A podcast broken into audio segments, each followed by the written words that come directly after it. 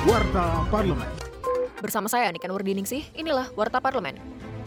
Wakil Ketua Komisi 10 DPR RI, Hetifah Syaifudian, menilai pertandingan Timnas Indonesia versus Argentina yang akan berlangsung 19 Juni 2023 mendatang akan menjadi momentum kebangkitan sepak bola tanah air. Pertandingan ini bukan hanya soal menang kalah, tetapi menjadi kesempatan Indonesia untuk bangkit dari keterpurukan. Politisi fraksi Partai Golkar ini menilai pertandingan ini merupakan kesempatan yang baik bagi timnas Indonesia untuk menguji kemampuan dan memperoleh pengalaman.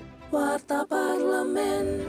Dalam rapat kerja dengan Menteri PUPR baru-baru ini, anggota Komisi 5 DPR RI Anwar Hafid meminta Kementerian PUPR memberikan perhatian khusus pada perbaikan jalan provinsi dan kabupaten itu ternyata jalan yang lubang itu tidak lagi berada di jalan-jalan tol dan jalan-jalan negara, tapi kebanyakan di jalan provinsi dan jalan kabupaten, yang juga itu adalah jalur mudik. Nah, oleh karena itu mungkin saya kira Pak Dirjen ini salah satu hal yang menjadi prioritas impres jalan daerah ini perlu menjadi perhatian khusus pemerintah. Ini bagaimana caranya pemerintah mengusahakan ini harus bisa berjalan, karena ini hanya ini solusinya. Untuk ke depan lebih memberi kenyamanan kepada para pemudik kita apabila tahun 2024 yang akan datang, terutama penanganan jalan provinsi dan jalan negara yang tidak bisa ditangani oleh pemerintah provinsi maupun pemerintah kabupaten.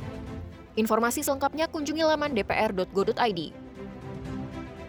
Wakil Ketua Komisi 3 DPR RI, Ahmad Sahroni, mengapresiasi upaya Badan Nasional Penanggulangan Terorisme menggandeng e-commerce dalam meningkatkan kesejahteraan mantan narapidana terorisme. Usaha itu dinilai dapat meningkatkan kesejahteraan mantan narapidana sehingga tidak kembali terjerumus pada paham yang menyimpang. Politisi fraksi Partai Nasdem ini meminta program tersebut dipersiapkan dengan matang. Ia menambahkan, mantan napiter harus dipastikan menguasai teknologi dengan baik. Televisi Radio. Demikian Warta Parlemen, Produksi Televisi dan Radio Parlemen, Biro Pemberitaan Parlemen, Setjen DPR RI.